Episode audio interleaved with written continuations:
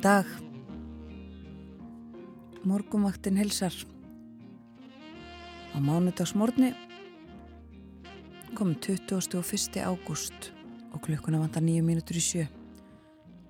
Björn Þór Sigbjörnsson og Þórun Elisabeth Bóadóttir hafa umsól með þættinum í dag. Við fylgjum ykkur til klukkan nýju. Og það var ágættis veður í höfuborginni klukkan 6 í morgun eða þar um byll sólinn komin á loft. Og uh, fallett veður. Og nú blés svo litið vestur í bæ þar sem ég var en uh, var töluvert betra veður annar staðar í borginni og á höfuborgarsvæðinu en við skulum fara yfir það hvernig viðræði á landinu klukkan 6 í morgun. Já, tíu steg að hitti í höfuborginni létt skíjað og uh, þrýr metrar á sekundu mæltust á mælnum við veðustofu bygginguna hér á leitunum klukka 6 Svalar á Kvanneri, 5 steg að hitti þar austan fjórir 8 gráður í stekisholmi létt skíjað hægu vindur. 7 steg að hitti á Patrísfyrði 5 gráður í Bólungavík 5 gráður líka á Holmavík En sjöstega hitti bæði á Blönduósi og við söðunisvita, 8 gráður á Akureyri, allskíja þar. Sjöstega á Húsavík og á Rauvarhöfn, sjöstega hitti líka á Skjaldþingstöðum og Eilstöðum, skíjað á Eilstöðum, hægur vindur. Nýjustega hitti við höfni Hortnafyrði og 13 metrar þar norðanátt. 10 gráður á Kvískerjum, 6 metrar þar, 5 stega hitti á Kirkjubæðuklaustri.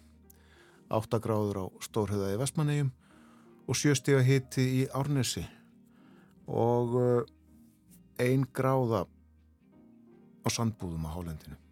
1 gráða líka á hverjaföllum ögn klýra á öðrum aðtjóðunastöðum á Hálendinu til dæmis á Káranhjúkum og í Veiðivatnarhaunni þryggjastega hitti þar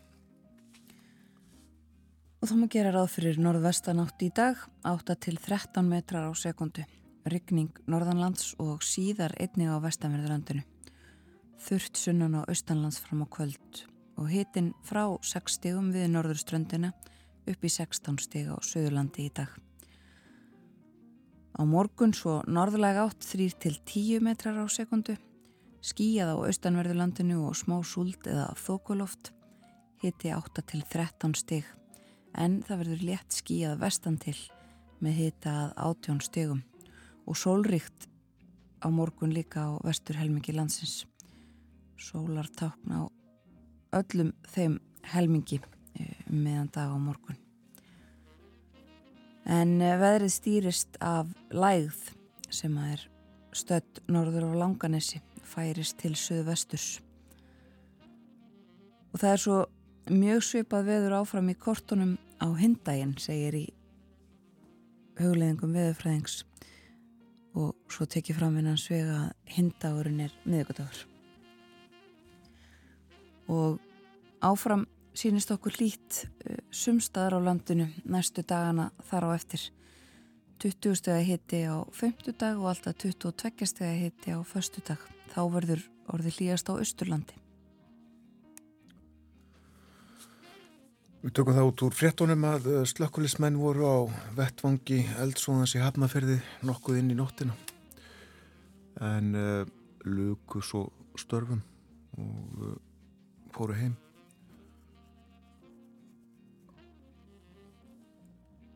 Heyrum meira af þessu í fréttonum og eftir klukkan 7 kom eftir rétt hæpar 5 minútur. Við fjöldum um ímislegt í þættinum í dag. Eh, við ætlum að tala svolítið um vatnið, engum kalda vatnið. Orkumálastjóri verður hjá okkur klukkan halv åtta. Við ætlum líka að tala um rótaríhreyfinguna og gildi hennar. Og uh, svo heyrum við af uh, konu nokkuri, uh, Valgerður Skaftadóttir, hétt hún. Og var á dögum fyrir rúmum 200 árum meira um hanna á eftir. Tónlistleiku við líka í þettinum í dag og Kat Stevens á fyrsta lag þáttanist hennan morgunin.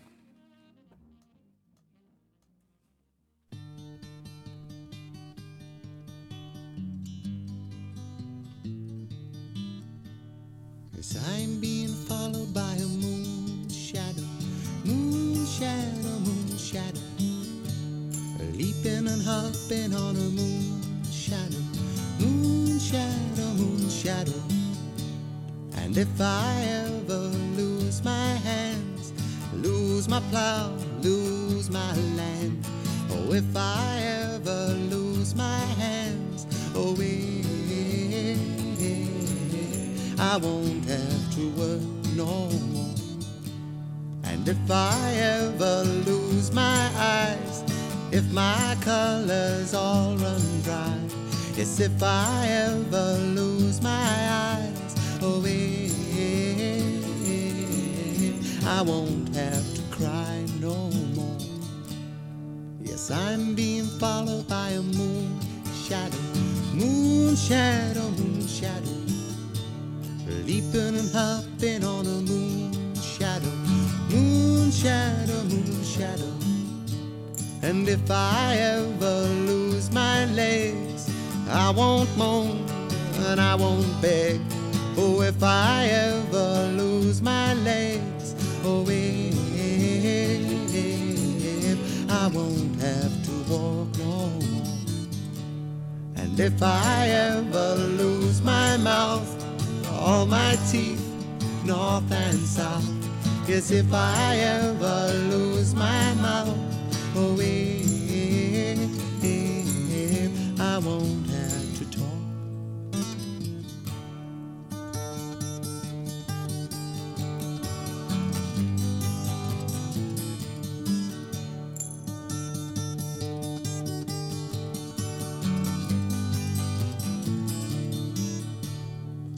Did it take long to find me?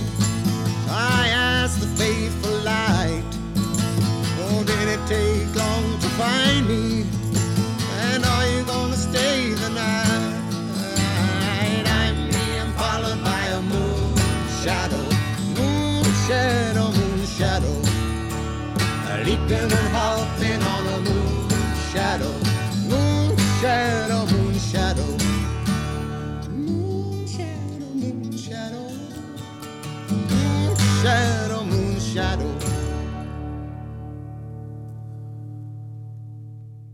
Gat Stevens söng og leik á gítarinn sinn Moon Shadow.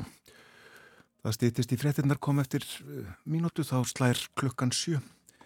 Við fáum okkur aðeins meira kaffi og uh, vatn líka, vatnið er mikilvægt. Förum svo ítalega við dagskráð þáttarins að frettum lóknum, lítum í blöðin, innlend og erlend ný og gömul allt með hefðbundnum hætti hér í dag.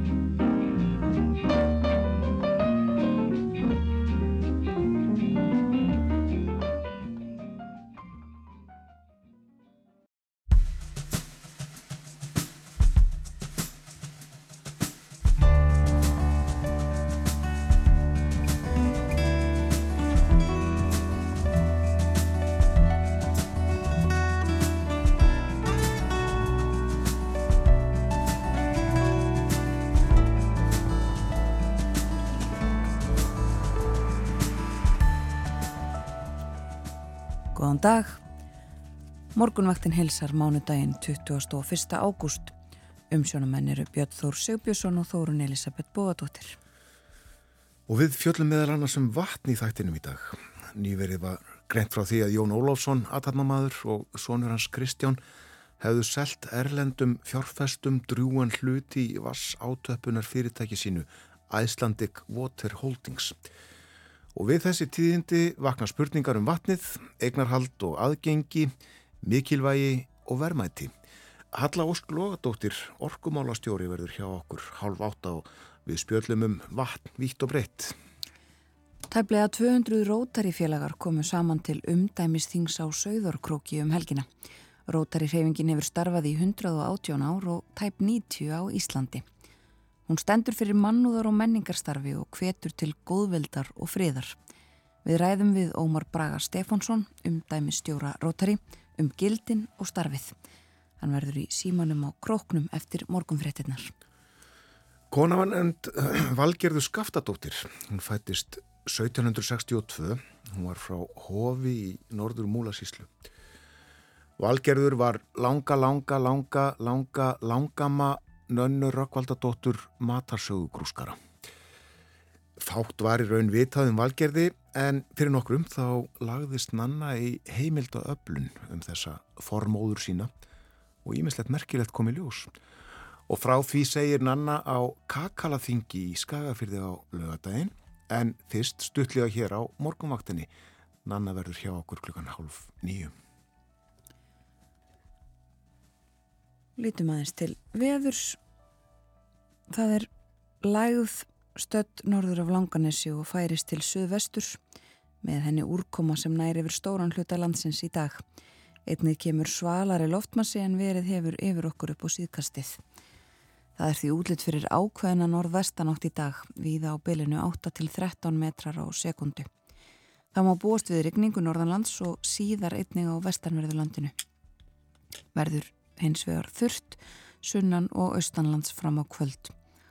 Og hitin í dag frá 6 stegum við norðurströndina upp í 16 steg á söðurlandi.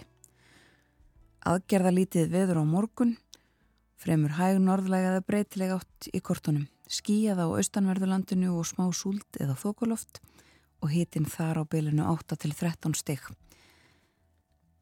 Hins vegar gert ráð fyrir því að það verði sólrikt vestan til með hita að átjón stegum á morgun og svo svipað veður í kortunum áfram á meðugudag. Við lítum á fórsíðu morgunblæðsins, myndin tekin í hafnafyrðin mikið er það sem að slökkulismenn börðust í marga, marga klukkutíma við eldin sem kom upp í húsinu þar sem að er bæði yðnaðar húsnæði og uh, þar var búið líka eins og við þekkjum af fréttunum. En uh, slökkvistarfi lögkendanlega í nótt og fjallaðum þetta í blæðinu í dag.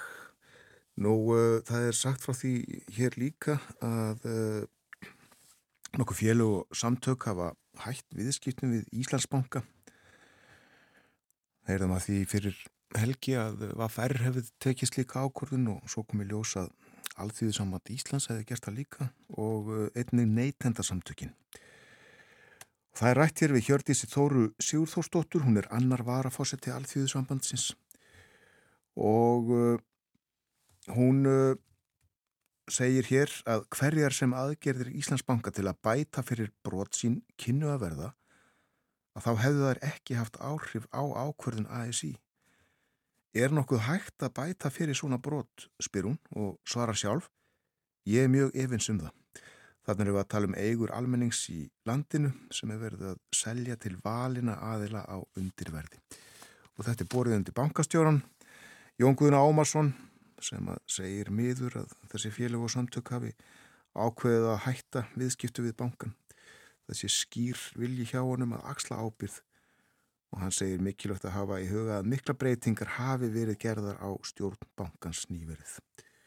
Segir líka úrbóta vinnu vera vel á vegkomna og að hún hafi verið unnin með erlendum ráðgjöfum og hann fer ítarlegar yfir þetta inni í blæðinu.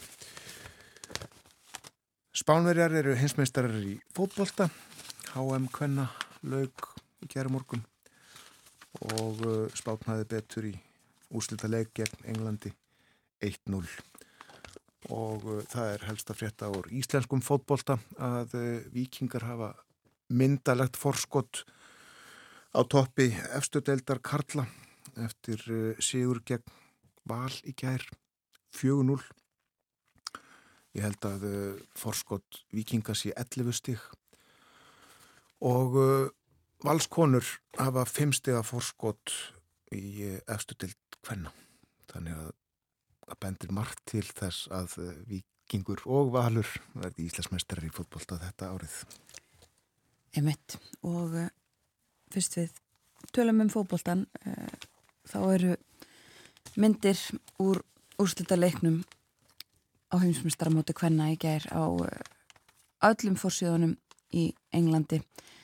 Ekki skrítið ennsku stelpunar þetta í úrslita leiknum og töpuðu sem fyrir sér gegn þeim spænsku. Og myndir af þeim á, á öllum fórsíðunum í Englandi englendingar og ennsku blöðin ánað með sínar konur enga síður og stolt orðið sem oftast kemur fyrir í fyrirsögnunum. Um, fjölmiðlarnir já, stoltir af sínum stelpum og uh, fjallaðum það víða. En fleiri fréttir um, fjalla víða um uh, þessa konu sem að dæmt var og hefur verið mikið í fréttum síðust daga. Um, fyrir uh, ódæði á spítölum uh, varð mörgum nýburum að bana og uh, verða rannsaka hvort að uh, það séu fleiri mál sem að eigi eftir að, uh, að, að skoða. En uh, líka fjallaðum fund sem að haldin verður í Jóhannesborg og eftir nokkra daga þar verða BRICS ríkin svo kalluðu samankomin. Það eru Brasilia, Rúsland, Indland, Kína og Suður-Afrika og uh, sagt frá því meðal annars hér í frétt á forsýðun á Financial Times að uh, stjórnvöldi Kína vilji stækka þetta uh, þessa samkomu og þetta bandalag ríkja uh, þannig að það verði stærra og sterkara heldur en G7 ríkin og uh, það eru skiptar skoðunir um það segir í þessari frétt Financial Times um, indverjar, mótfallnir um, og einhverjir einhver þessara ríkja hrættum að slíkar aðgerðir muni virka andvestrænar. En uh, kínverjar sagðir uh, íta á þetta og það eru sögðu líka 23 ríki sem að vilja gerðan ganga inn í þetta bandalag. Búið að bjóða um, 60 þjóðhöfðingjum og leðtugum ríkja til uh, þessar, þessar fundar í Jóhannesaborg frá miðugudegi og uh, fleiri frettir úr erlendum fjölmjölum um, það er fjallaðum uh, það fórsíðu vefútgófinar hjá Guardian að uh, ný rannsókn uh, sem hefur verið gerð bendi til þess að uh, það séu framinn framtir glæpir gegn mannkinni á landamærum Sáti-Arabíu og Jemen. Um, Sáti-Arabískir landamæraverðir sagaður um fjöldamorð á um, flóttafólki frá Eþjópíu búið að uh, ræða við fjöldan allan af fólki sem að hefur reynd að fara uh, þarna á milli. Gríðarlega fátækt í, í ríkjónum eins og uh, Jemen þarna á þessum landamærum. En fólk sem sagt að koma víðar að til að reyna að komast þarna á milli. Og það er líka fjallað um um, um ofsaveður sem að eh, íbúar í Kaliforníuríki í bandaríkjörum búa sér nú undir. Fjallan það bæði bröskum og bandarískum fjölmjölum á fórsíðun á, á Washington Post er fjallað um þetta líka. Um, þetta er fyrsti svona stormurinn uh, sem að kemur af þessari starðagráðu frá árinu 1997 og uh, gert ráð fyrir því að það muni rigna sem samsvarar árs uh, úrkomu á skamum tíma og það er tekið að regna í Kaliforníu nú þegar en, en e, rókið á leðsinni frá Mexiko og þarna upp með og e, verið að búa fólk og, og e, hús undir þetta gæti haft mjög miklar og alvarlegar afleðingar í e, sagt í frettum og af annars konar veðri og, og, og náttúru hamförum þá er líka á fórsíðun á Washington Post talað um það að Biden bandarækjafórseti sé á leið til Maui á Hawaii. Hann hafi verið gaggrindur harðlega fyrir uh, viðbröð sín tjáði sig ekkert í uh, meirinn 120 klukkutíma er sagt hér í fórsíðu fréttinni tjáði sig ekkert ofinbarlega sem sagt en, en uh, starfsfólk hans segir að hann hafi enga síður og baku tjöldin verið að vinna rétt eins og alltaf þegar að svona mál komi upp en hann tjáði sig sem sagt ekki ofinbarlega og hefur verið gaggrindur töluvert fyrir það. Og ímislegt áfram líka við heyrðum uh, fjallað í frettunum áðanum um Donald Trump fyrirverandi fórseta og fórseta frambjóðanda núverandi. Alltaf frettir af honum. Hann ætlar ekki að mæta í um, kappræður. Er komin á fullt í kostningabortu líka fjallað um uh, bandaríska líðræðið á fórsíðun og Washington Post. Uh, það sé uh, í hættu, við höfum séð þessar frettir reglulega en ítalega svona útökt á þessu í Washington Post í dag. Segjum þetta gott af erlendum frettum í, í byli Já, komum heim, morgunblæðið er að fjalla um góðaverði í Reykjavík. Gær hittinn 20 gráður og uh, þetta mun hafa verið í fyrsta sinni sumar og í rauninni fyrsta sinni tvö ár sem hittinn er 20 gráðum í höfuborginni og það er rætt við Trösta Jónsson viðfræðing sem að uh, saði við MBL að óvanalegt væri að hitti næði 20 gráðum svo síðla sumas en þó síu dæmi um slíkan hitta í ágúst árið 2015 þá náði hitti fyrst 20 gráðum 20. og 5. ágúst og það var í eina skipti það ár og hann bæti svo við að einungi sé vitað um eitt ár með 20 stíða hitta er Reykjavík síðar á sömrinu það var 1939 þá hafi hittin ná 20 stígum bæði 31. ágúst og 3. september. Nú ekki líkur á 20 stíga hitta í Reykjavík í dag. Nei, töluvert kaldari loftmassi eins og við nefndum á þann eh, heldur en síðustu daga en, en geti náð 16 stígum þar sem að hlýjast verður en það hlýnar svo aftur uh, þegar að líður á vikunum.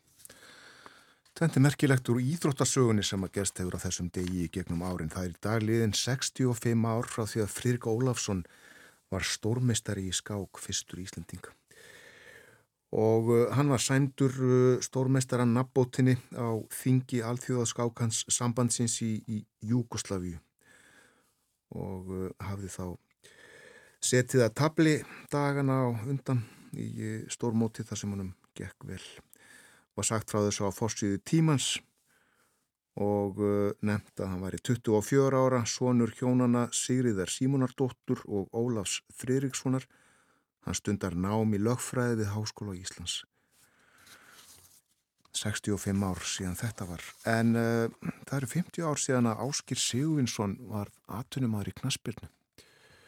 Hann uh, hriði sér þá í vinnu hjá belgíska félaginu Standard Líi og fáinum dögum síðar var sagt frá því í morgunblæðinu að uh, Ásker hefði verið valinn í aðalið standard sem að vakti aðtikli vegna þess að uh, það var endilega ekkert ljóst. Ásker var bara 17 eða 18 ára og uh, það var ekkert algengt á þessum tíma að ungi menn sem færu í atvinnumennsku kæmu sem atvinnumenn til nýra liða færu beint í aðaliðið en það gerði Ásker og uh, það sagði ég frétt þegar Sigurvinsson hefur náð knettinum er ekki svo auðvelt að ná honum frá honum.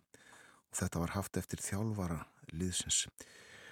Og uh, svo sagði setna í þessari frétt aðal ástæðan fyrir vali áskis í lið standard uh, fyrir Evrópukeppnina þetta ár er svo að hann leik með liðinu fyrir skömmu vináttuleik við annað belgíst félag Þótti framist að áskeist þar með afbríðum góð. Sjálfur skoraðan mark og var auk þess einn besti maður liðsins í spilinu. Þjálfari liðsins sagði eftir þann leik að hraði og tækni áskis væri með ólíkindum en aðal veikleiki hans væri í að skalla knöttin. Og fáinum dögum eftir að uh, áskir held utan og uh, kom sér fyrir hjá standard líi fór Ágústingi Jónsson, bladamár á morgunblæðinu í heimsóttilans og uh, varði með honum sólarring og spjallaði við hann og uh, fleira fólk og kynnti sér þarna aðstæður og, og sagði frá í uh, bladagrein og niðurlægið er ágætt. Það er svona. Eftir að hafa kvart Áskei Sigurvinsson á járbröðastöðinni í Líi spurði maður ósjálfrátt sjálfan sig allan hljóti ekki að spjara sig. Eftir ummælum þjálfara Áskeis að dæma og bjart síni Áskeis sjálfs þá er ekki annað hægt en að rekna með því að þessi átjánara piltur frá Vestmannegjum eigi eftir að verða liði sínu styrkur í framtíðinni. Það er þó ekki fyrir hvert sem er að fara út í atvinnumennsku í knaspirnu. Í það þarf sérstaka manngerð. En er ásker ekki einmitt rétta manngerðin?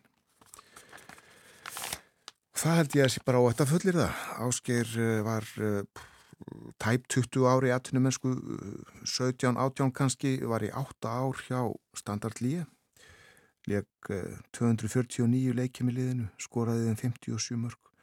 Svo var hann eitt ár hjá Bæinn München, leik 17 leiki og skoraði eitt mark og fóð svo til Stuttgart, þar sem hann var meðal annars þýskur mistari og gott ef ekki leikmaður ársins tímabilið og það sama tímabilið líklega árið sem að uh, Stuttgart varð meistari.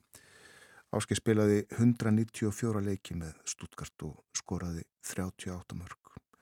Jú, uh, hann var réttamangirinn.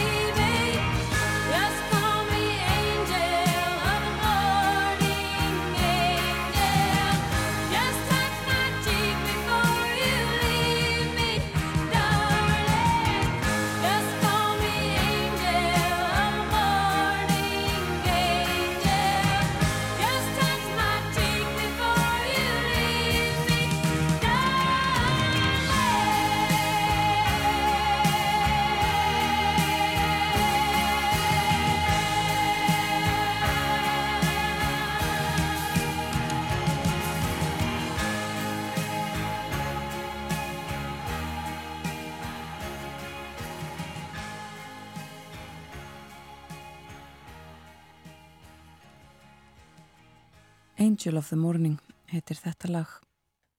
Juice Newton söng. Þetta er lag sem Chip Taylor samti kom upprunalega út árið 1967 en e, þá var það Ívy Sand sem að söng.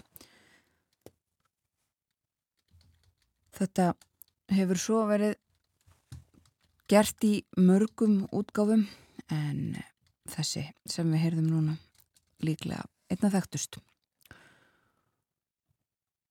Og við skoðum frettir utan úr heimi og uh, gamlar frettir áður en við leikum þetta lag. Og rættum um uh, Áskir Sigurvinsson gamlar frettir höfum svo litið talað um fótbolta um, ekki bara í morgun heldur síðustu morgna heimsmyndstara móti kvenna sem var að ljúka. Okkur hefur verið tíðrætt um það. En í þettinum í dag ætlum við að ræða svo litið um vatn. Gerum það hér eftir nokkra mínútur. Ætlum að tala við orkumálastjóra Höllu Ósk Lóðadóttur svo ætlum við að forveitnast um Rótari á eftir uh, gildin í þessum félagskap Ómar Bræi Stefánsson umdæmistjóri segir okkur frá því. Og í lokþáttarins kemur til okkar Nanna Rökkvaldardóttir matarsjóðu grúskari. Hún hefur verið að grúska um formóður sína uh, komast að ymsu og hún segir okkur frá því upp úr klokkan half nýju en áður en að öllu þessu kemur þá leipum við frettastofinni að yfirleitt morgunfretta á dagskráni eftir þrjár mínútur.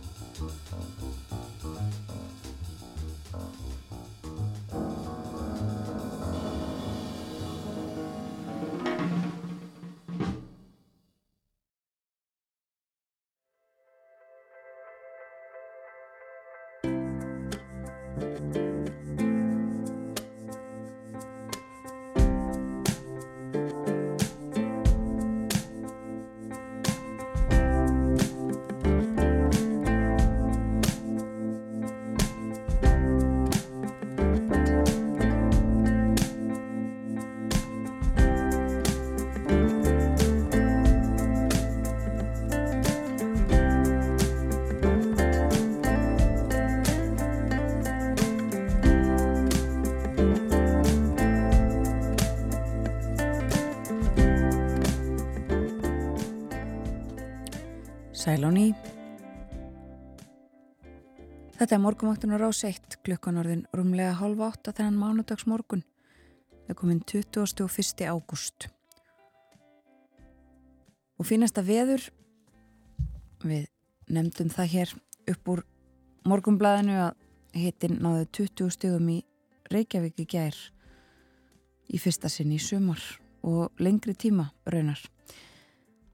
Það verður ekki alveg svo hlýtt í dag, ekki í Reykjavík og líklega hverki á landinu en uh, það geti breyst þegar líður á vikuna. Veðurspáinn svona norðvestan 8 til 13 metrar á sekundu í dag, rigning norðanlands og síðar einni á vestanverðu landinu en þurft sunnan og austanlands fram á kvöld. Hiti frá 6 stigum við norðurströndina upp í 16 stig á söðurlandi. Á morgun norðlega átt 3 til 10, skíjað á austanverðu landinu og smá súldið að þókuloft, hitin 8 til 13 stig á þeim slóðum. Það verður hins vegar alltaf átjónstegi hiti vestan til á landinu og létt skíjað. Svipað veður svo á miðugudag og eh, hlýtt áfram á fymtudag og förstu Það voru saðraði fréttir á dögunum að hlutur í vassfyrirtækinu Æslatic Water Holdings hefði verið seldur erlendum fjárfæstum. Stopnendur félagsins eru feðgarnir Kristján og Jón Ólafsson. Félagi starrækir átöppunavesmiðu í Ölfusi og selur vatnið viðaðum heim. Og þetta hefur gengið vel. Vassala getur verið ábatarsöm, mjög ábatarsöm, jável sem okkur kannski finnst svolítið skrítið en það skrúum við bara frá krananum heima og látum dýrindis vatnið renna í glas. En þannig er það auðvitað ekki allstaðar. Og hjá okkur er Hallarhund Lóðdóttir, orkumálastjóri. Við ætlum að tala við hana vítt og breytt um vatnið. Velkomin til okkar. Takk fyrir. Og það er kannski rétt að gera fyrst grein fyrir því hvers vegna við erum að ræða þetta við þig. Eh, gerðu svo litla grein fyrir þeim verkefnum sem að þið hafið með höndum er varða vatnið? Já, orkustofnun kemur að nýtingaleifum á vatni þar að segja þegar það er verið að horfa á það að nýta vatsauðlindina e, fyrir atvinnstarfsemi en þá eru við að horfa á það að það sé verið að taka ekki of mikið magn okkur um stað að nýtingin sé sjálfbær. Það eru raun og veru ekki verið að horfa á það í hvað e, vatnið fer, það eru stefnur stjórnvalda og, og, og sveitafélag og annara sem að horfa á þann hluta. En það að að það sé ekki verið að dæla of mikið upp úr töngum eða taka of mikið uh, vatn á hverjum stað er það sem að uh, orkustofnun horfur á þegar kemur að leifi sveitingum. Já, og vitið upp á hár hversu mikið vatn er í landinu á hverjum tíma? Í raun og veru ekki en við erum ótrúlega heppin þjóð Íslandingar eins og uh, í svo mörgu öru þegar kemur að vatninu. Við erum gríðalega vassrík þjóð bæði af grunnvatni sem er í raun og veru vatnið neðan e, jarðar e, og þar eru við heppin, við erum með sérstaklega mikið grunnvatni vegna þess að bergið okkar er, er legt og það myndast svona á, ákveðnir tankar og síðan er það yfirborsvatni sem að byrtist okkur í ám, byrtist okkur í stöðvatnum og svo framvegis. E, þannig að e, við eigum mjög mikið af vatni en við erum líka að sjá að það eru uh, fleiri að nýta vatn. Uh, vatn eru auðvitað grunnur af margskonar starfsemi og þar að leiðandi skiptir ótrúlega miklu máli að ebla heldar yfir sín uh, á vatsauðlindinni, ebla rannsóknir og, og kortlækja hana enn betur, margt hefur þegar verið gert, til þess að við getum áttað okkur á því hvar eru tækifæri, en líka passað upp á nýtingin sem er alltaf sjálfbær. Já, Já uh, það er uh, tölvert vatn í landinu en þetta er ekki óþrjótandi auðlind. Í sjálfu sér eru kannski engar auðlindir óþrjótandi uh, og alltaf mikilvægt að, að horfa á það að, að til dæmis þegar við horfum á nýtingu grunnvats bæði að, að það sé ekki tekið of mikið magnur einstaka vassbólum það sé líka hort á það að nýting eins hafi ekki áhrif á annan sem er kannski fyrir, þegar farin að nýta vatn á sama svæði en ég myndi segja að um, stærsta áhættan þegar kemur að vatnsmálum á Íslandi er eins og víðast hvar í heiminum hefur lengi verið að það er bara að passa upp á þessi einstöku gæði sem við höfum á vatni hér á landi. Eh, það er þannig að við erum að nota grunnvatn sem í raun og veru síjast í gegnum eh, hérna, bergið og við náum að neyta vatsins algjörlega ómeðhendla. Þetta er algjörlega beint af kunni, ef svo má segja. Og þetta er mjög ólík staða frá því sem að er til dæmis viðskar ellendis. Það er verið að nýta yfirborsvatn eh, fyrir eh, sömu hluti, í raun og veru fyrir heimili og annað og þar þarf oft mikla meðhundlun eh, eins og við þekkjum kannski á bræðinu og vatninu í útlöndum. Þannig að það að passa upp á þessi gæði sem að eru þetta mjög mikilvæg fyrir helsu og fyrir atunlíf er eh, langtíma markmið og þarna hafa vassveiturnar okkar verið að vinna ötöld starf. Já, uh, og er þetta tölvert mál? Höfum við svona gengið full nærri vassbólum með einhverjum hætti? Eh, það er, eh, myndi ég segja, við, þó að það séu miklu meiri nýting í dag að þá er nægt vatn í landinu uh, og kortlagning aftur skiptir kannski mestu máli til að átta sig á því hva, hvar eru tækifæri, hvar eru áhættur. Við vitum að það eru öðruvísi berglög á, á vestfjörðum og austurlandi að munu kannski eftir þegar var þurka sumarið hvað 2021 er að þurfti að færa til vatn fyrir austan, það eru berglögin þéttari og, og svo framvegs þannig að það skiptir máli eh, fyrir okkur að, að þekka þessa nýtingu því að vatnið er aftur svo grunnurna svo mörgu. Eh, ef við horfum bara á eh, máli eins og heilsu þjóða þar er vatnið líki hlutverki ef við horfum á atunlíf hérna heima þá er vatnið í algjöru leiki hlutverki þegar kemur að sjáarútveinum uh, eh, þegar kemur að landeldi í fiskeldi það sem er, sem er mjög vass uh, þurta eðnaður og skiptir máli fyrir svoleiðis eðnað eins og allan matvala eðnað að gæðin á vatninu séu góð fyrir verðmæti afverðina og svo við horfum auðvitað á það að, grunnvatn er, er uh, hluti af annari vatsauðlind, heita vatsauðlindin okkar þá er þessi kortlegning líka greiðilega mikilvæg. Og ef ég held enn áfram að þá, ef við horfum til dæmis á, á stóru málefni eins og orkuskiptin, að þá ef við horfum á framlegsli á, á rafeldsneiti eða, eða hérna, binding kólefnis í, í, með, með nýri tækni og annað, þetta eru allt eh, geirar það það sem að vatn leikur leikil hlutverk og, og þess vegna er það líkil hagsmannmál fyrir allar þjóðir líka Ísland að ná þessari heldari yfir sín enn betur uh, og þarna eru margar þjóður sem að þurfa virkilega að hugsa um þessi mál kannski komin eh, miklu lengra en við en, en tímin núna þegar við erum að sjá þessi svona starri verkefni kallar uh, á að við uh, horfum á þetta betur í heldar samengi. Og fá allir aðgangað öllu því vatnin sem þið þurfa þegar þið vilja? Það er þannig að sveitafélögin hafa forgang og þau fá líka lengstu nýtingalefin. Þannig að það er líkilmál að, því að sveitafélögin hafa þá það hlutverk líka að tryggja almenningi vatn. Síðan er það þannig að ef þú ert með e, e, engaland eða eignaland að þá í raun og veru fylgja e, réttindin á vatninu e, þá líka við um heita vatnið og jærðefni e, þeim egna rétti og eh, þú mátt nota vatnið fyrir þín uh, uh, búsáhaldar eða fyrir þín not. En ef þú ert að fara í atvinnustarfsemi að þá eru fjölmörg leifi sem þú þart að horfa á í gegnum heilbriðsnemndir, í gegnum mögulega matalastofnun og svo framvegs eftir því hvernig, hver starfsemin er. Og þar í raun og veru uh, kemur líka þá nýtingaleifi frá stopnunum eins og orkustofnun.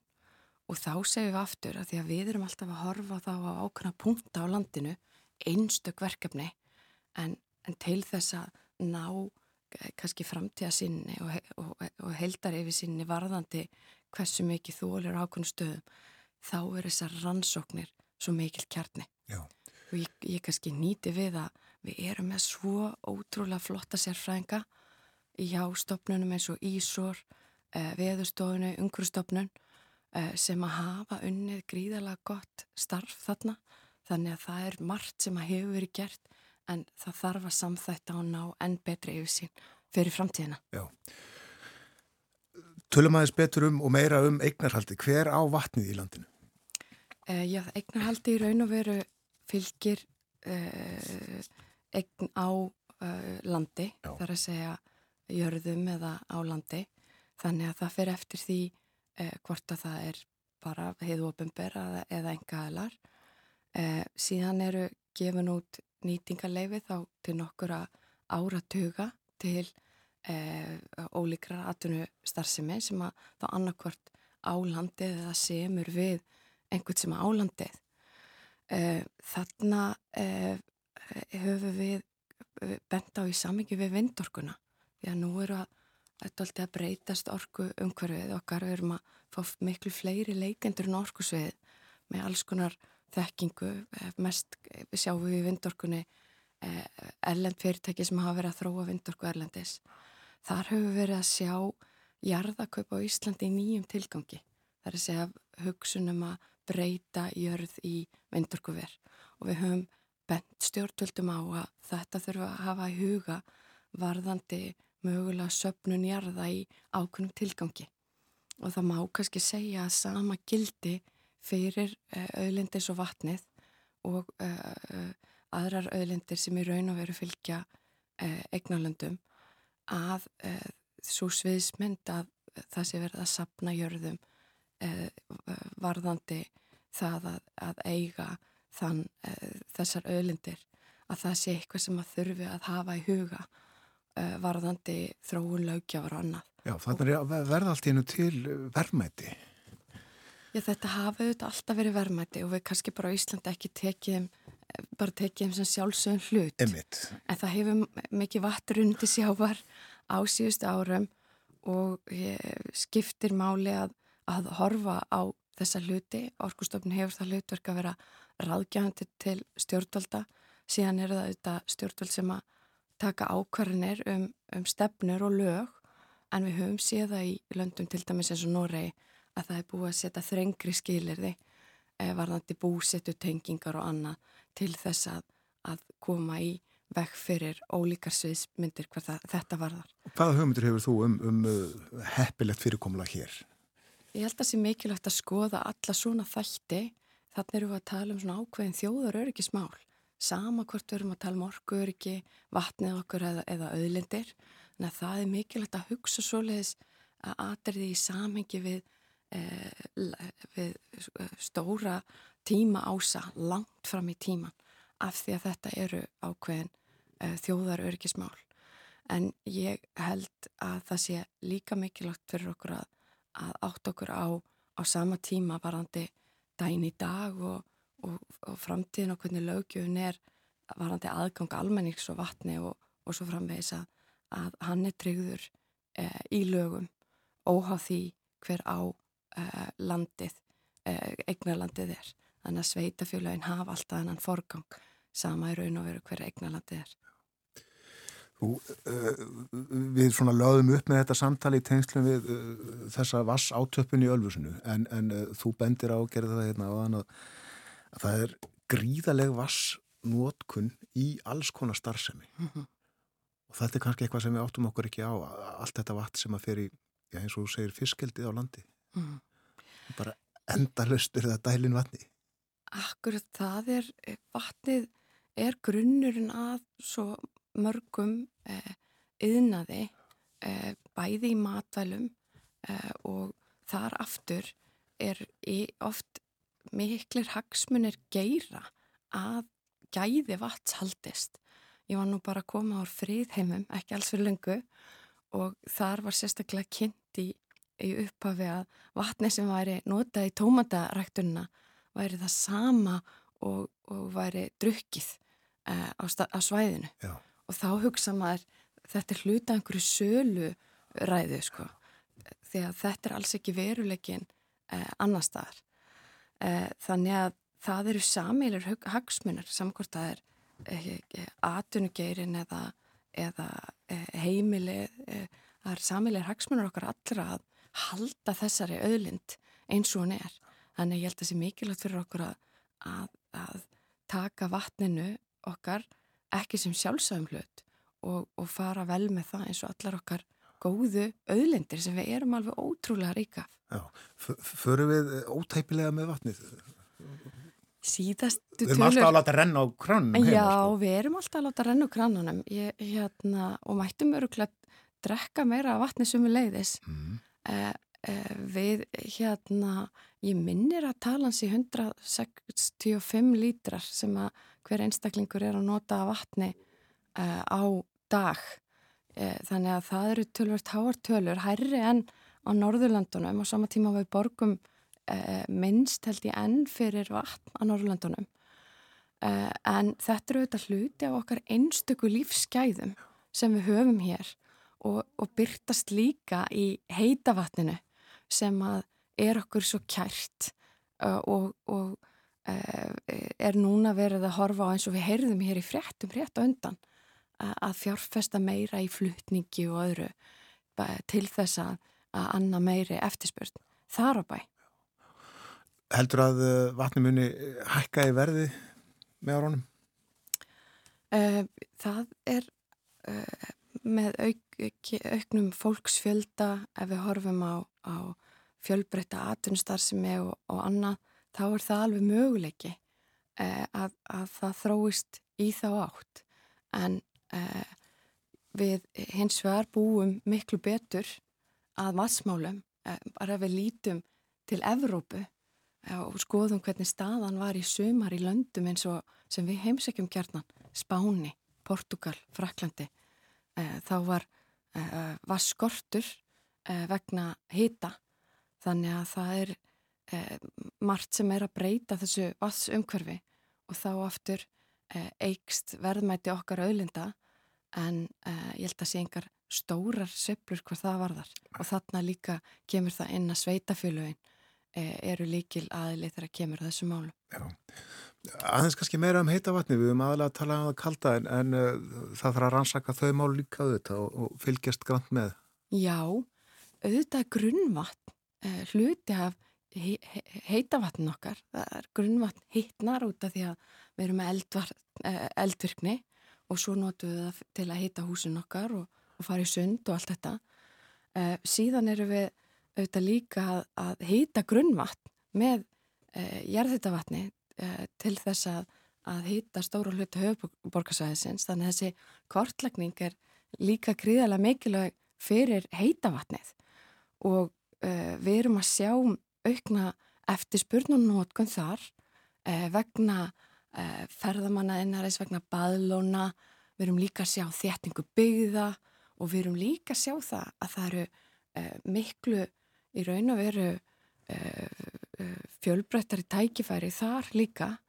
Og, og, og þess vegna skiptir máli að vera að, að stækka fluttning, uh, vera vakandi yfir hvar eru ný tækifæri fyrir jarðhettan og núna hefur ráð þeirra verið að setja sérstakt fjármagn í það að leita eftir jarðhetta uh, og, og bæta þar með vonandi lífskeiði ólíkra svæða á Íslandi.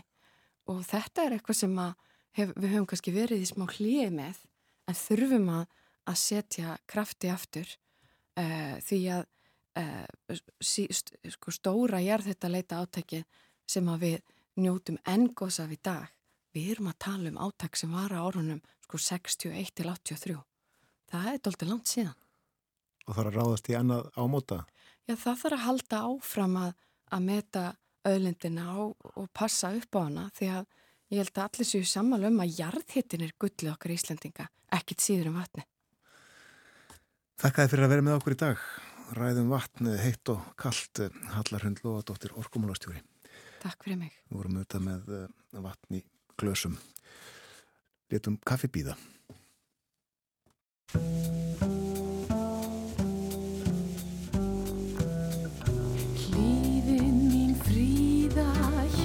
Meður græna. Blágresið blíða, berja lautur væna. Á þér ástar augu, ungur ég ég festa. Blómóðir besta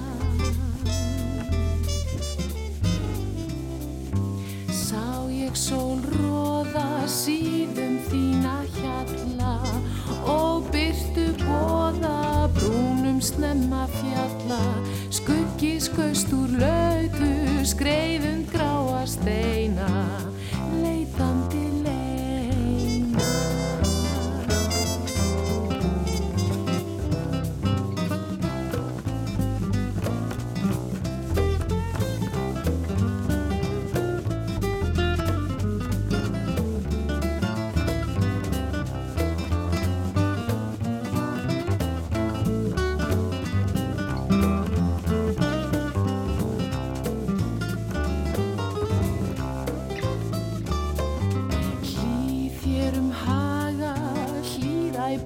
í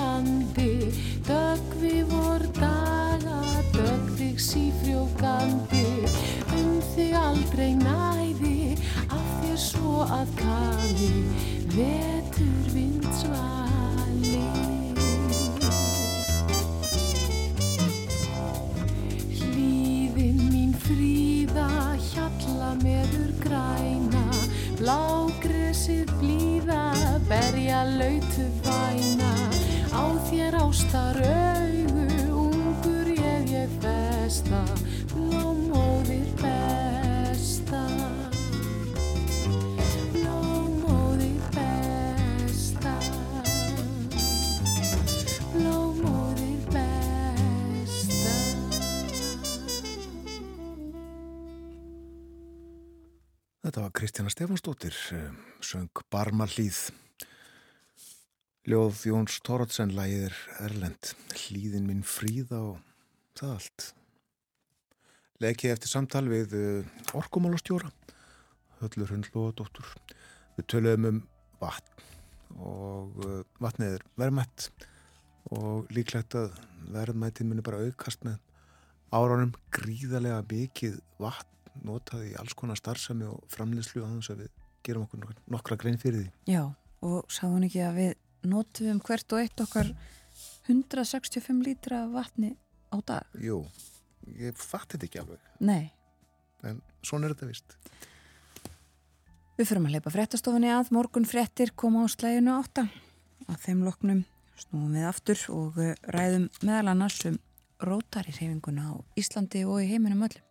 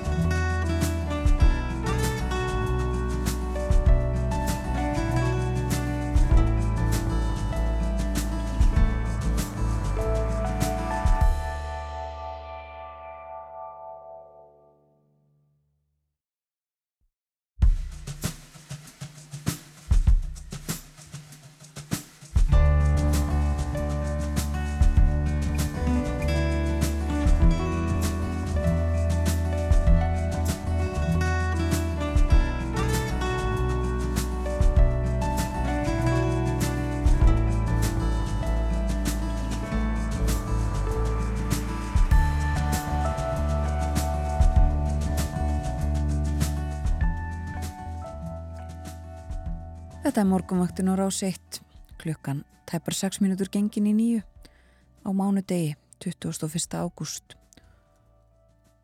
Björn Þór Sigurbjörnsson og Þórun Elisabeth Bóadóttir eru umsjónamenn þáttarins í dag.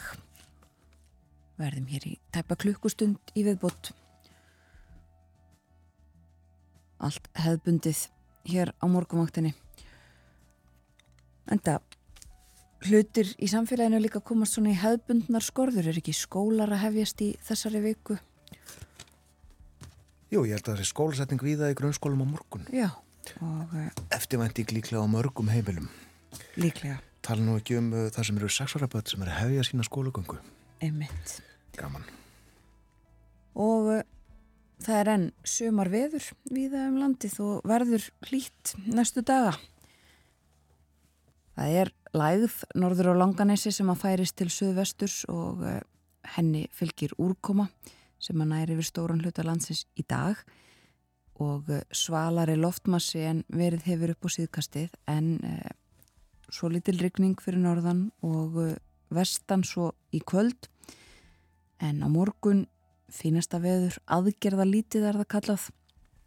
Skíjað á austanverðurlandinu smá súltið að þókuloft en sólríkt vestan til og hitin að átjón stegum og eh, svipa viður áfram í kortunum á miðvíkudag og eh, á femtudag viða létt skíjað hiti 10 til 20 steg og hæg breytileg átt. Hitin getur svona á 22 stegum á förstudag og eh, áfram verður ágætis viður sínist okkur um næstu helgi.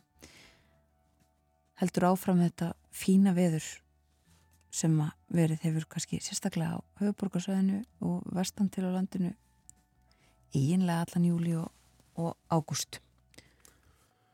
Ég minni á að uh, hér á eftir verður Nanna Rakkvaldadóttir með okkur, matarsögu grúskari. Hún hefur nú komið til okkar stundum og uh, talað aðlega um mat, en uh, nú ætlur hún að segja okkur frá formóður sinni valgerði Skaftadóttur. Þannig er að uh, Nanna uh, kemur fram á Kakalaþingi um næstu helgi og uh, ætlar að segja okkur þar, segja þar, uh, fjalla um rannsóknir á æfi og störfum valgerðar. Yfirskrift erindis nönnu er valgerðu skaftadóttir. Þú hættir aldrei að koma mér á óvart. Heimilda púsluspili sem þurfti til að rekja slóð formúður minnar á herragarð á fjóni í Sollin í Kaupmannahöfn og loks í Básendakaupstað og norður undir Rauðanúp meira en þetta á eftir. En uh, nú að öðru rótari félagar komið saman til áralegs umdæmisþingsum helgina og það fór að þessu sinni fram á söðarkróki. Í rótari er sá háttur hafður á að umdæmisþing er haldið í heimabæ umdæmistjóra og hann er nú Ómar Bræði Stefánsson á söðarkróki og hann er í símanum. Heit og sæl og góðan dag Ómar Bræði. Já, góðan daginn. Þingið gekk vel er það ekki? Þingið gekk bara mjög vel og það er nú bara svo leiðis með, með þetta verkefni svo mörg önnur að þegar gott fólk kemur, kemur saman og þá ganga hlutinu vel. Já, vakti aðtekli mín að grein sem þú skrifaði í morgunblæði fyrir helgi, eh, fymtudaginn, eh, þar sem þú fjallaði um þingi og saði svo litið frá rótari yfirskriftin Veitum veröldinni von. Eh, þú nefnir þetta líka gildi hreyfingarinnar. Þetta er allt svo fallegt og gott. Segð okkur frá þessu, Ómar. Sko, þetta, er, þetta gengur hann fyrir sig hjá okkur í Rótari að uh, við erum eitt umdæmi, umdæmi 1360 í heiminum og uh, Rótari samtökin eru nú orðin, orðin já, við getum sagt, þau eru ekki, ekki nýja á nálinni, þau eru stopnið 1905 og 1934 stopnum við síðan fyrsta klubin hér á Íslandi Á Íslandi erum við með um 1200 félagar en 1,4 miljónir félaga í heiminum öllum. Þannig að þetta er nú bísna stór og góð samtök. Þetta eru góðgera samtök fyrst og síðast og við erum að láta gott á okkur leiða og, og það fólk sem er í rótararhefingunni lætur gott af sér leiða. Það má til dæmis segja að sko, við erum að styrkja styrkja mörg verkefni bæði hér heima, einstakar klúpar, styrkja verkefni á sínu svæði og svo erum við með stóra sjóði sem að styrkja verkefni um allan heim. Ég held að uh, á þessu starfsári, mínu starfsári 23 til 24, þá erum við og ætlum að styrkja styrkja verkefni fyrir, já, rúmlega 40 miljardar. Það er. Ja, það er nú, það er dágóðs tala sem að, sem að við munum, munum leggja til góðra verka. Eh, það er eh, aðeins fórsetu okkar sem er skoskur núna, Gordon McInally. Hann kom með þetta, þetta veitum veraldinu von. Þeir leggja áherslu á á sitt uh, sérstakt svona hverju, hverju ári og það er það sem hann segir núna, veitum veraldunni von og við munum síðan og öll rótari hreyfingin reyna að vinna eftir því. Okkar gildi eru, eru afskaplega einföld og þau eru skýra við viljum hérna viljum uh, þjónusta ofar eigin hag við, við viljum að samfélögin uh, gangi vel fyrir sig og við viljum stíga þar inn og láta til okkar taka. Við viljum vera góða fyrirbyndir og við viljum skipta máli en við erum ekkit að endilega blása þetta upp endilega þó það væri kannski ekkit, ekkit óæskild að fólk vissi meira af okkur en við, þetta, þetta eru einföld, einföld markmið hjá okkur. Já, en uh, einmitt þetta þjónusta ofar eigin hag, þetta er mjög guðugt, er óhætt að segja. Þetta er mjög guðugt. Já, já, þetta, þetta er göfut og, og við, þetta segir allt sem segja, segja þarf í sjálfu sér að við viljum, við viljum ekki vera samfélaginu til góða og eh, við, við, við erum ekki að hugsa um okkur sjálfa, þannig lagað, auðvitað þurfum við að hugsa okkur sjálfa til dæmis í í ákveðnum álaflokkum og, og, og eins og ein, við ætlum einnig að leggja áherslu á eru geðheldrismálinn sem við ætlum að leggja og þar viljum við fara inn í klúpana og, og út úr klúpanum en, en að þjónusta þjónusta ofar einn hag er, er bara bara leiða ljósið okkar svona í gegnum allt starfið. Já, Já og uh, þessi lína frá uh, fórsetanum, alheims fórsetanum veitum vereldunni von. Uh, þetta, þetta kemur ekki að sjálfu sér, uh, er það almennt mati ykkar að vonleysið sé ráðandi eða, eða allavega verði meiri vart við að fjölgar sem að svona sjá kannski litla von í lífinu? Ég held að það gefur auðvitað leið svona eins og, eins og ástandið er, er í heiminum í dag og, og hefur verið að að við virkilega þurfum að standa saman öll í þessu og, og hérna því að ég held að hver einstakur rótar en félagi, kona eða karl eða, eða hvað sem hann skilgreinir sig að hann geti skipt máli og það er miklu meira en, en það. Við getum það öll sem, að, sem búum að þessari jörðu, við getum, við getum og eigum að skipta máli og við viljum, við viljum veita veröldinu vonu og, og hérna skila henni betri en við tókum við henni. Hvernig gengur að fá fólk til starfa í reyfungunni?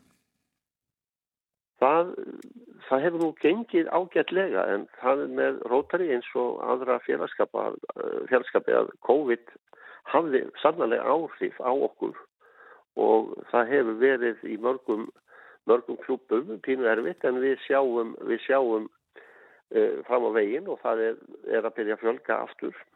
Og við, sagt, þetta voru nú þetta voru nú eins og, eins og margir kannski halda ennþá, þetta voru einhver kalla samtök en það er svo langt í frá að það er þannig í dag. Við erum búin að taka konundar inn fyrir mörgum árum og það hefur bara gjör breytt starfinu til eins góða og við viljum fjölka konum, við viljum fjölka kallum, við viljum fjölka ungu fólki og við viljum fjölka bara því fólki sem að, sem að hefur áhuga á að að stíga inn í rótari hvað það skilgreinir sig. Við, við, erum, viljum og við teljum að það sé pláss fyrir alla hjá okkur. Já, Já þú nefnir unga fólkið það kemur líka, maður heyrir alltaf að það er allir svo uppteknir. Jú, jú, það er þetta með okkur mörg að við erum upptekinu þetta er pínu að, að bara að fólkásaða og, skilgjörnum hvernig maður vil hafa hlutina. Við erum með ung, ung, ungliða, uh, ungliða uh, klúpa sem heita Rótarakt og þar er ung fólk hjá okkur og við viljum efla þann klúb sérstaklega því að við teljum að þetta sem bóðskapur sé mjög góður fyrir ekki síður unga fólkið. En eh, eins og segi við erum, við erum með alls konar klúpa, við erum líka með e-klúpa og það var nú þannig að á þinginu hjá okkur hér á Söðokrökjum helgina þá voru þeir að hittast í fyrsta skipti svona í raunheimum getur við sagt. Já, útskýru þetta þess? Þetta, Þetta er fólk sem, það eru klúpar, það eru fundir einu sinni viku í þessum e-klúpi. Hann er náttúrulega á netinu, Já. bara í, í, á Teams eða hvað, hvað er funda. Og þar getur þú komin og verið með á fundi og fræðst og, og hlustað á góð erindi og spjallað. Þannig að all, það eru svo miklu möguleikar fyrir rótari. Við, við erum til þess núna hægt, við þurfum ekki að skrá mætingu. Það er engin mæting að skilda. Þú mætir þegar þú mætir og þú átt að mæta vegna þess að það á að vera gaman í rótari. Þannig að þú mætir á þínu fórsundum og hefur gaman, hittir þína félaga en það er ekki eins og þetta var. Þetta var alla fymtudaga eða alla þrýðjudaga bara yfir veturinn. Núna er mætingarskild fara en einmitt það sem þú ert að segja vegna þess að það hafa allir orðið svo mikið að gera. Já, já, einmitt. Þannig við erum að breyta þessu heilmikið. Við að við verðum að, við verðum að vera í takt við, við það sem er að gerast í kringum okkur. Þú uh, segir já þér að, að, að hérna, leggja gott til mála uh, og fást við þetta alvarleg mál en uh, það verður að vera gaman líka, þú leggur áherslu á það. Það er bara, veistu, það er bara það sem skiptir máli. Já. Og við letum það svona þingið sem var hjá okkur á sögurkvökjum helgir, það var svona átt að speikla það. Við vorum með dansleik og við vorum með skemmtikraft og við vorum mikla tónlist. Við verðum að hafa gaman og bæði í rótarifundum og rótarifundum og í lífinu sjálfu. Það er það sem að, á að, að draga okkar áfram og að, að koma fund og hitta vinni og fjarlaga og hitta nýtt fólk. Það er það sem bara skiptir máli. Já. Við reynum að hafa góða, góð erindi á fundum, fræðandi erindi en það sem á að vera svona leiðaljósi er að þetta á að vera gaman og gefandi. Já. og þið komið að alls konar verkefnum uh, hér heima en þú saðir í þessar grein í morgunblæðinu fyrir helgi að, að uh, reyfingin, rótari reyfingin hefði barist uh, uh, gegn lömunaveki unnið öttulega útrýmingu hennar. Segð okkur aðeins frá því. Já, það lömunaveikin er náttúrulega og var mikill válgjastur og, og í ára ræðir hefur rótari tekið það kefli og einbætt sér að útrýmingu hennar og, og Það hefur kostað náttúrulega mikla, mikla peninga en Rotary er með svakalega mikla og góða sjóði sem að, sem að bæði einstaklingar og, og aðri styrkja okkur um og leggja í, viknum sem til dæmis Bill Gates. Hann leggur gríðarlega fjármun í okkar sjóð og vill á okkar sjóður uh, stýri, stýri hans ja, því sem hann leggur í þetta og til, hann leggur til okkar, okkar verkefna. Og, og þess vegna getur við þetta og við eigum, við teljum að við eigum stutt í land með að, með að útrýma lögmanuveiki alfarið. Þetta getur orðið kannski, kannski sex ári viðbót, þá ætti hún að vera horfinn. Og við erum að senda fólk til bólusettingar til þessara landa og, og við erum að kaupa liv og við erum að með alls konar svona verkefni, við vorum að kynna allir þessu verkefni núna á þinginu sem heitir Selterbox og uh, þar störfum við, með fyrirtæki. Þetta eru svona plastkassar sem við erum með með mismunandi uh, hlutum í. Það getur verið, í einu þeirra getur verið tjald sem hægt er að búa í.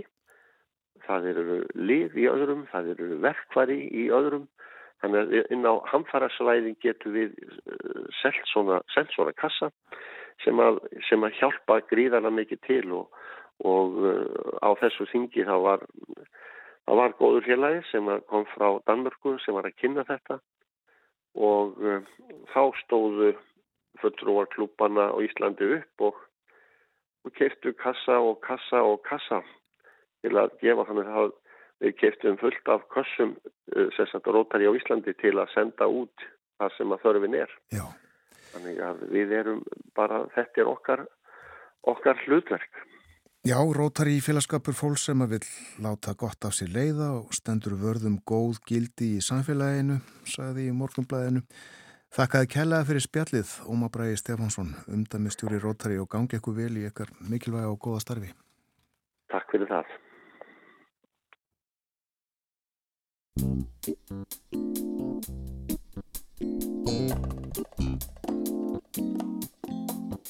you.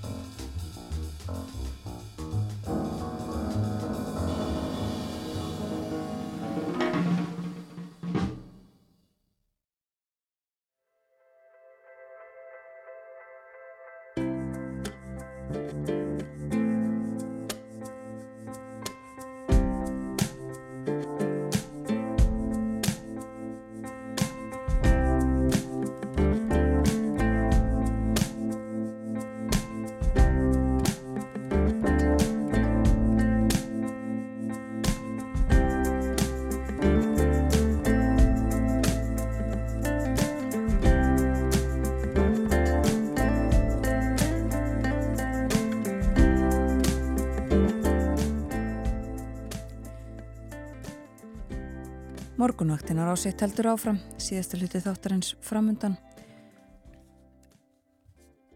Það er mánudagur í dag fyrir þau sem voru að vakna.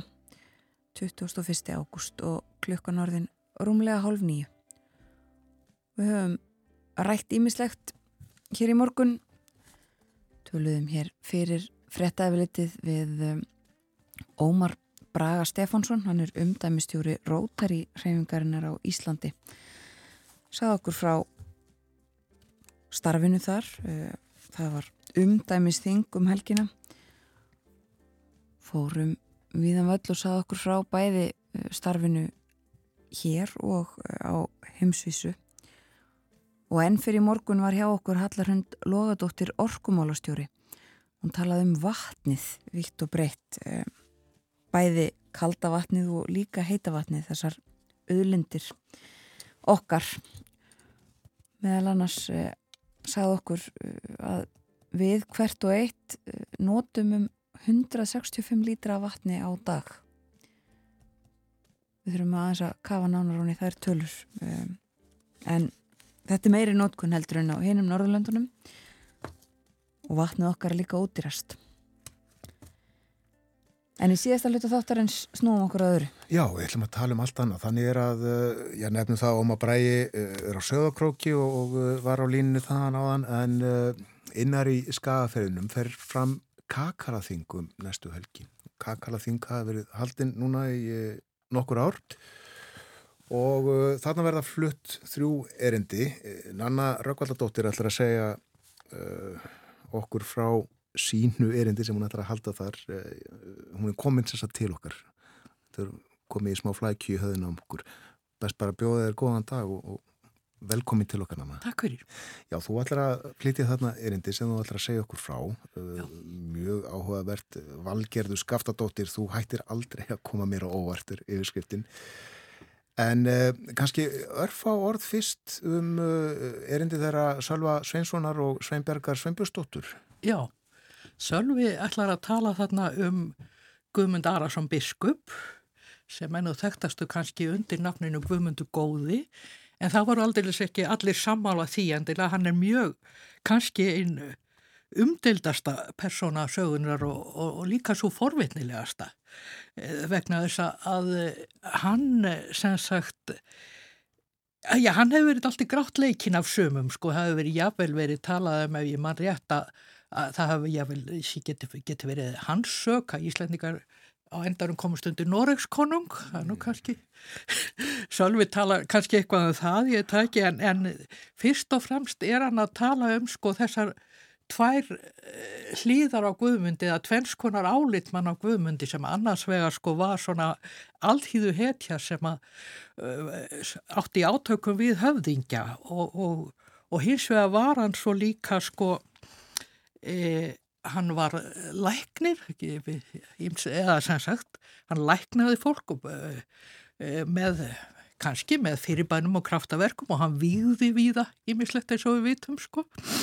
Þannig að já hann á sér en þá trösta fylgismenn.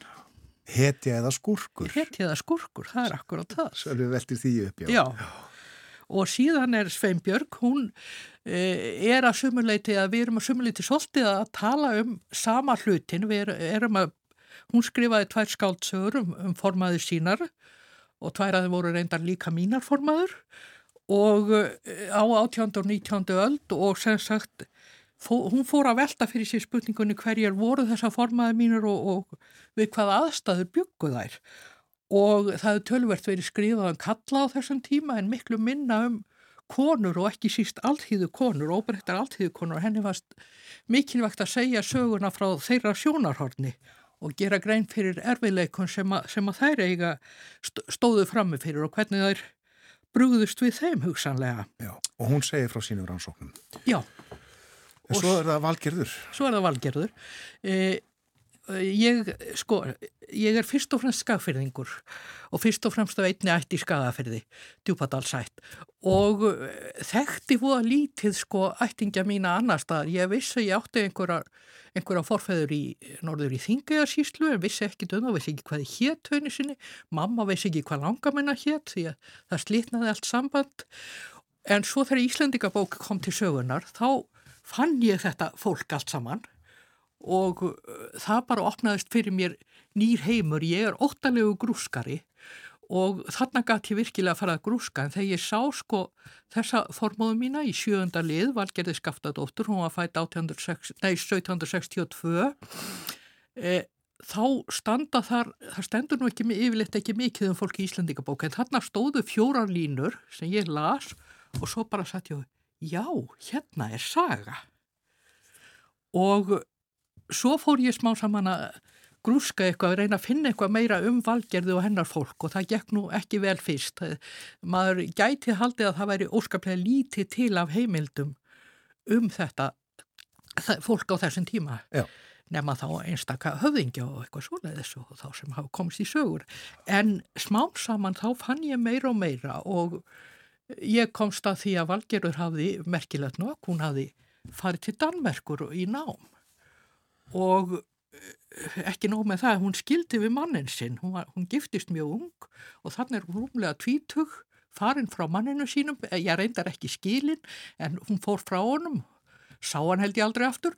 Og hún er í hópi íslenskra ungmenna sem, a, sem a eru sendt til Danverku til að læra tóvinnu. Þannig ætluðu Danir að fara að koma upp einhvers konar sko innvæðing á Íslandi og, og það var valinn hérna hópur af ungu fólki, þetta er rétt í lok móðuharðandana sko. Já, rifum þetta upp, þetta er upp úr 1780 sko. Þetta er, þetta er 1785 sem já, hún já. fer út sko, haustið og þarna eru þau, ég söm þeirra, þau eru sendt svo sem viðaðan Danmörku en hópur á Íslendingu fer þarna í, á herragarðin Brahe Trolleborg á fjóni þar sem að var greifir sem var mjög áhuga saman um framfarir og er búin að setja versmiðu og þar eru þau að, þau að læra bæði vefnað og, og spuna og fleira sko.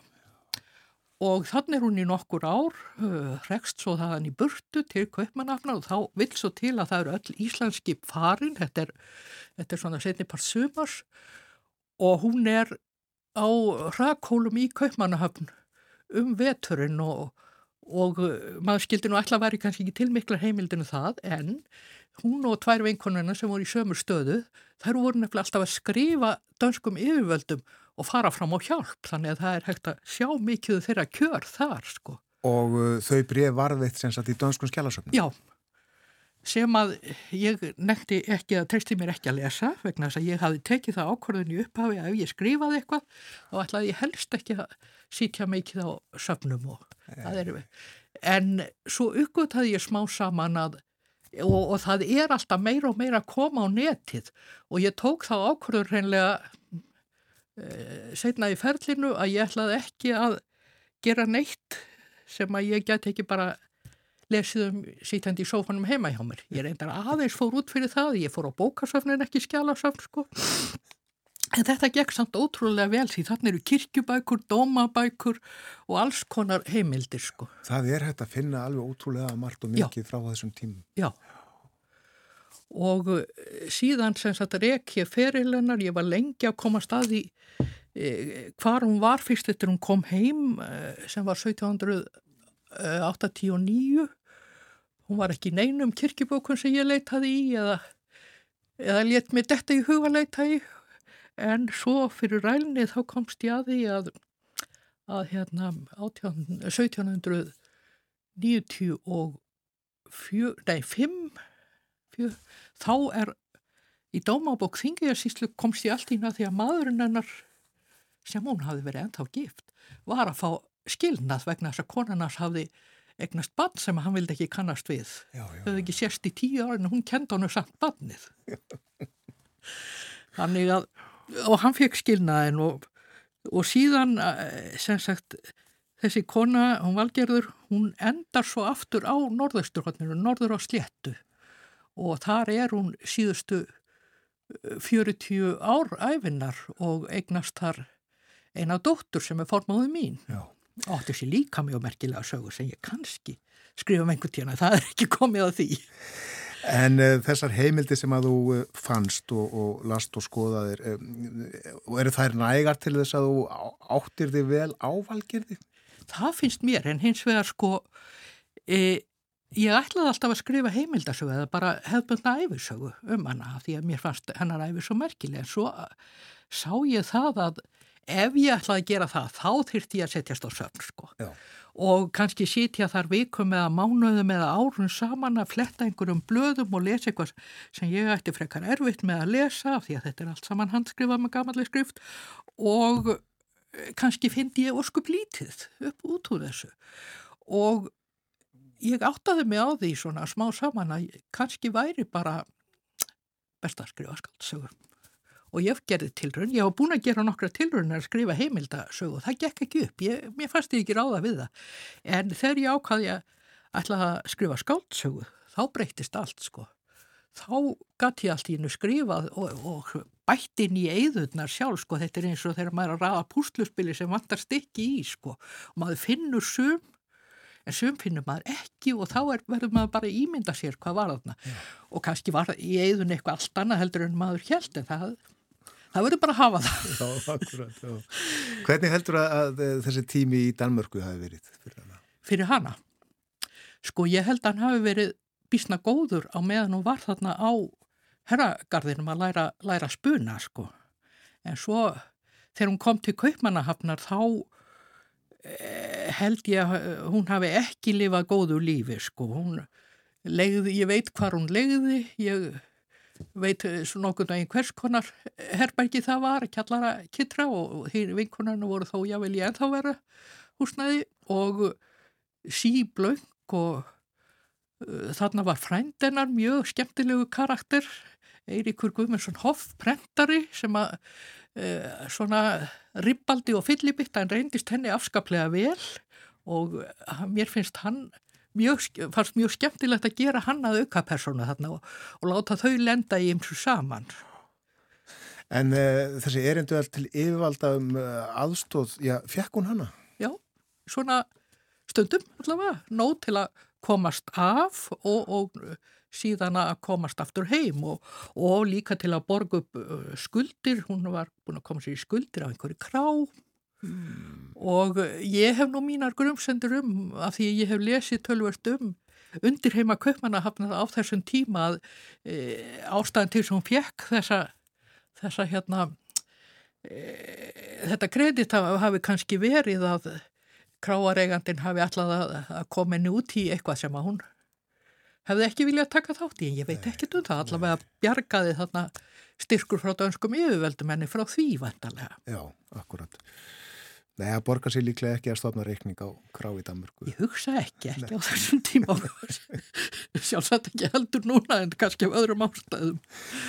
En áhugaverðir eh, annars eh, þessar, þessar áhugaverðar þessar ferðir eh, unga fólksins þarna út á sínum tíma Já. til þess að læra tónu. Já, sko er, þetta tókst nú mjög misjaflega. Er- Sumt af þessu fólki það, það kom heim aftur og, og vann við eh, einhverju leiti við, við vefnaðarina. Það er nú kannski þekktastur hérna, hvað hétt hann, Jón, eh, sem að vefara ætt er kent við svo kallu og mörg þeirra vildi ekki fara heim aftur. Þau settu stað í Danmörku og, sem er mjög skiljanlegt vegna eins og ég segi þetta fólk kemur hérna úr móðuharðindunum. Sumt kemur þarna út, það er lýsing á einni stúlkunni, hún var svo útsteifti í kláða og útbrotum og alls konar að fólk neitaði að vinna með henn og það þurfti að byrja að leggja neina á sjúkrahús í þrjár vikur en það hafði hún nánast komið af vergangi sko. Já.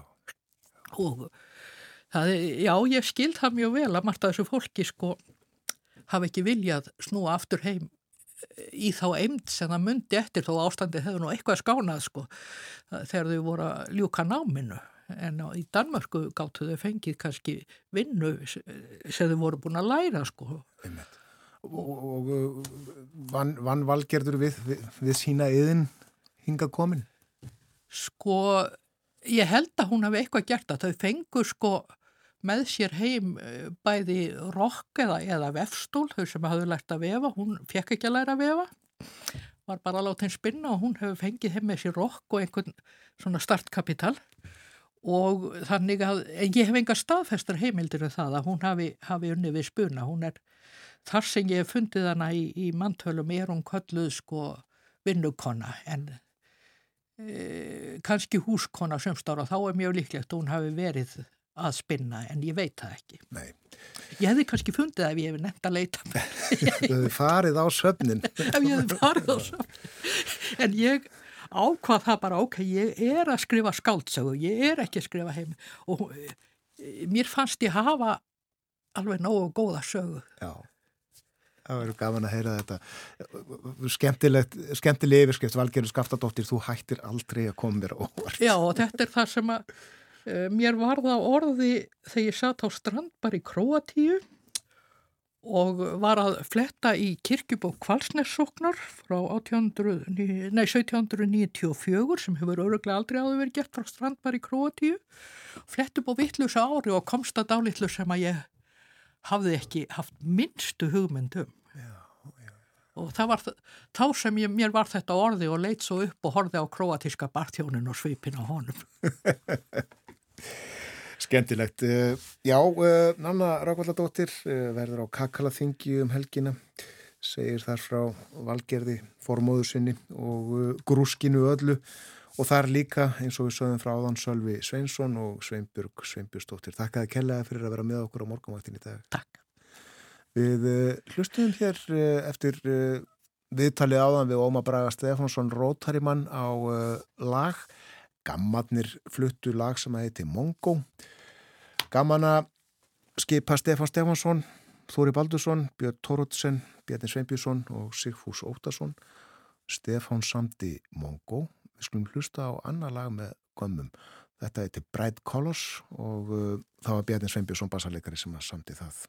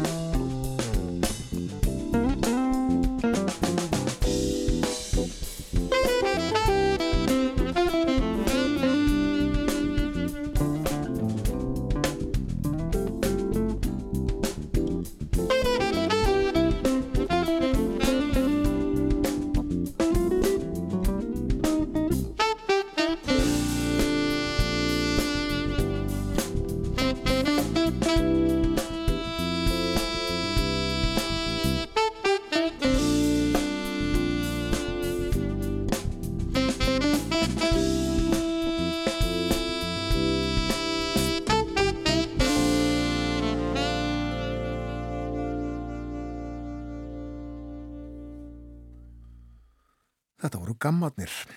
Nanna Raukaldadóttir haldi nút í daginn, hún sað okkur frá formóður sinni Valgerði sem að uh, hún rakst á svona fyrir einhverja tilvílun, var að skoða Íslendingabók og uh, henni fannst hún þurfa að vita meira en þessa konu lagðist í rannsóknir, lagðist í grúsk og uh, úrvarð bók sem að er mæntalega út uh, eftir mánuð þar um byll, Valskan nefnist hún. En uh, Nanna segir frá valgerði og þessu grúski öllu á kakala þingi á lögadaginn. Skagafyrinum haldið í kakala skálaðu þetta kringlumýri. Undir glóðafeiki því fallega fjalli. En uh, það er komið á lokum morgunvaktarinnar í dag, klukkan er alveg að verða nýju, vantar uh, sex mínútur eitthvað svo leiðis. Vatn var hér til umfjöldunar í morgun, já við notum 165 lítra af vatni hvert á dag Já. og uh, munum að drekka vatnið, mælt með svona um það byrjum tveimur lítrum á dag eitthvað svo leiðis. Einmitt, Halla Hrund Lóðadóttir fór yfir þetta með okkur, orkumálastjóri. Um, við erum líka að fylgjast með vassveðri.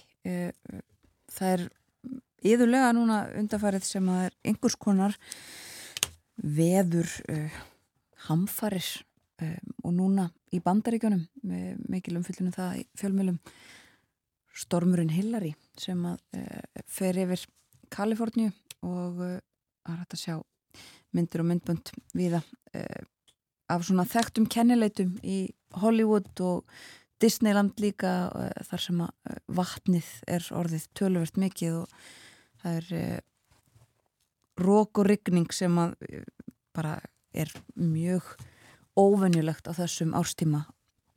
Hefur ekki ringt í lengri tíma í Los Angeles til dæmis. Um, en 26 miljónir sem sagt núna sem að búa við flóða viðvaranir. Veðrið á Íslandi hins vegar ekki þannig það regnir einhver staðar, jú, á landinu og, og stórum hluta að einhverju leiti í dag fyrir norðan og svo þegar líður á daginn einnig á vestanverðu landinu um, og svo sent í kvöld kannski á söður og austurlandi. En á morgun uh, þurft og létt skíjað víða hitina átjón stegum og áfram fínt aðgerða lítið veður er það kallað af veðurstofun e, á miðugudag. Við þakkum við samfélginni í dag, verðum hér aftur í fyrramálið. Vonum að þið njóti dagsins. Verðið sæl.